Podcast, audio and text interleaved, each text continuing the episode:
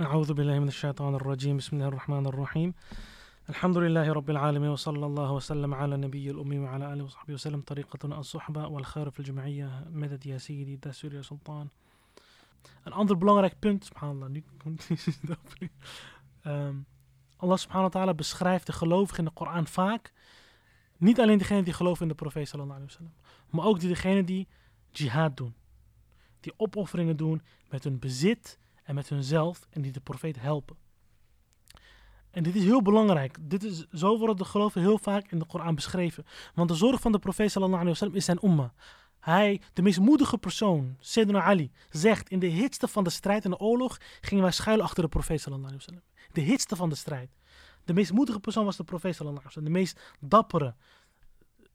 Ik, ik hoorde laatst dat je boven Alpha man heb je Sigma man. Iedere week komen ze met een nieuwe term. Je hebt Rijalullah, de mannen van Allah. Dat is, dat is het echt. De profeet sallallahu alayhi wa sallam, zijn enorme karakter. Hij was een koning, hij was een staatsman, hij was een vader, alles. Maar in zijn daden, wat deed hij? Hij maakte zich zorgen om zijn umma. Hij huilde om zijn umma. En wat hopelijk, dat zijn wij, jullie. Inshallah, ik hoop dat ik het toe behoor, inshallah.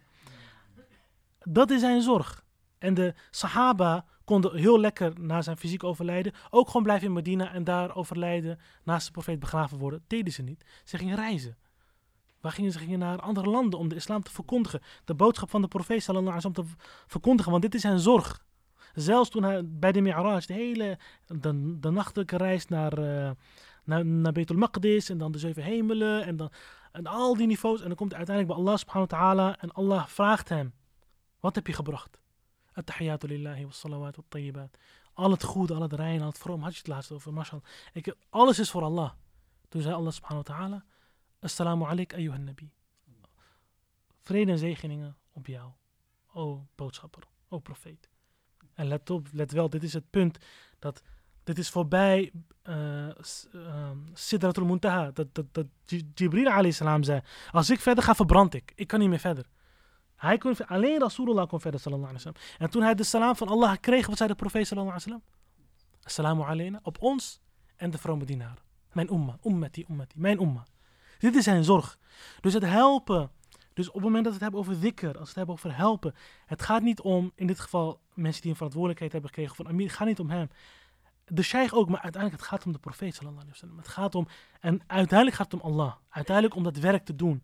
En iedere, iedere, iedere, subhanallah, een hadith, ook iedere kleine deel wat jij geeft, je gaat het terugzien wordt niet verloren. Daarom de meeste, subhanallah, ik kom steeds achter van de mensen die ik zie, die komen of die praktiseren, dat hun ouders, bijvoorbeeld jouw vader, mashallah, hij vertelde laatst dat een Naqshbandi sheikh naar Nederland kwam en hij was de persoon die het organiseerde. Hij liet hem komen. Hij was de organisator en Allah heeft zijn daden niet verloren laten gaan in jou. Hoe heb je opeens je weg gevonden naar lessen, naar islam, naar aanbidding? Subhanallah. Gaat niet verloren. Gaat niet verloren. En dus alles wat wij doen, gaat niet verloren. En de profeet krijgt het gezien, hij krijgt, het, het wordt hem getoond. En als we hebben over waardigheid, status en alle eer, Allah beschrijft in de Koran diegene ma'ahu, met de profeet zijn. Die met hem zijn. Wie zijn diegenen die met hem zijn? Logisch, die hem helpen. Die, die hem hebben, alle hulpers van Allah uiteindelijk. En de grootste valkuil hierin, Allah subhanahu wa ta'ala zegt, ja, ayyuhalladina amanu, la tubtilu sadaqatikum bil manni wal adha uh, verpest niet jullie, verpest, verpest niet jullie sadaqa door men te benoemen wat je hebt gedaan en pijnlijke woorden. Ik heb dit en dit voor je gedaan. Ik heb dit en dit voor je gedaan. Nee, nee, nee, dat is...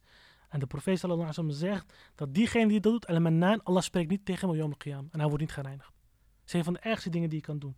Eén keer Mullah Nasruddin Hoja, hij, hij was in het water bijna aan het verdrinken met zijn hoofd boven het water kwam er een man en Hoja zei, help mij, help mij, help mij. En de man hielp hem.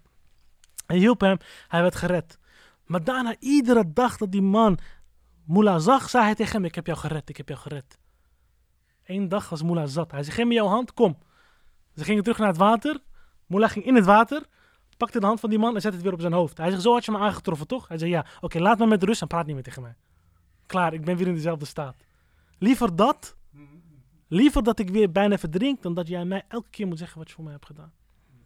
Dit gaat weer terug naar dat mensen helemaal terug met tawhid. Zij denken, ik doe. Nee, Allah doet. Allah doet. Dus daarom is het voor ons eer. Het is voor ons eer als wij kunnen bijdragen. Het is eer. Het is eer. In Surah al-Baqarah, heel eh, veel wat op subhanallah komt, gaat het over geven. Geven in de weg van Allah ta'ala. En sadaqa komt van hetzelfde woord van sidq, oprechtheid. Sadaqa, oprechtheid.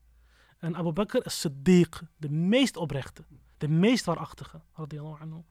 En daarom is het goed als je iets kan. En, en daarom zei Sheikh Nazim in dat kader: de beste sadaqa is in de tariqa. Dat je mensen roept naar Allah's weg. Op welke manier? Als je jong bent, heb je misschien tijd. Als je ouder bent, heb je verantwoordelijkheden, heb je misschien geld.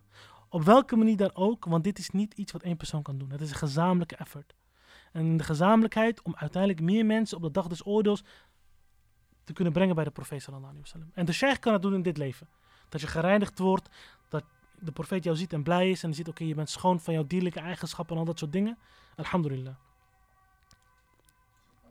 Dus eer. En de, de engelen die de troon dragen, zij vragen vergiffenis voor de gelovigen. De profeet zei, ik kreeg toestemming om over hen te praten. De ruimte tussen hun oorlel en de schouder is 700 jaar reizen met uh, een paard. 700 jaar reizen, dat is de afstand. Zo groot zijn die engelen. Wat ook een bewijs is dat de profeet meerdere soorten kennis heeft. Hij heeft een kennis die hij, oedine, oedinali, ik heb toestemming om erover te praten. Dus er is kennis bij de profeet sallallahu alaihi. We hebben niet. Dus als mensen zeggen, ja, waar is de hadith dat Rasulullah dit weet? Ja, maar broeder, niet alles is in de hadith gekomen. Omdat de profeet niet alles aan ons vertelt. Dat zegt hij. Ik heb toestemming gekregen over deze kennis. Dus andere kennis kan hij voor zichzelf houden. Heeft hij ook een keuze. Maar dus die engelen, zo groot, die de troon dragen, Allah zegt in de Koran, zij vragen vergiffenis voor de gelovigen. En hun nageslacht. Beschermen tegen het slechte. En het is misschien door iets wat zij deden dat wij hier zijn. Allahu a'lam. Dus inshallah, alles wat wij doen, alles wat wij brengen, iedere kleine, we zullen het zien. We zullen het zien, inshallah. En mogen Allah ons helpen, mogen Allah het makkelijker voor ons maken. Mogen Allah ons helpen om op zijn weg te helpen en om onszelf daarmee te helpen. Mogen Allah mij vergeven en jullie zegenen. Mohammed al-Habib, Mohammed al-Fatiha.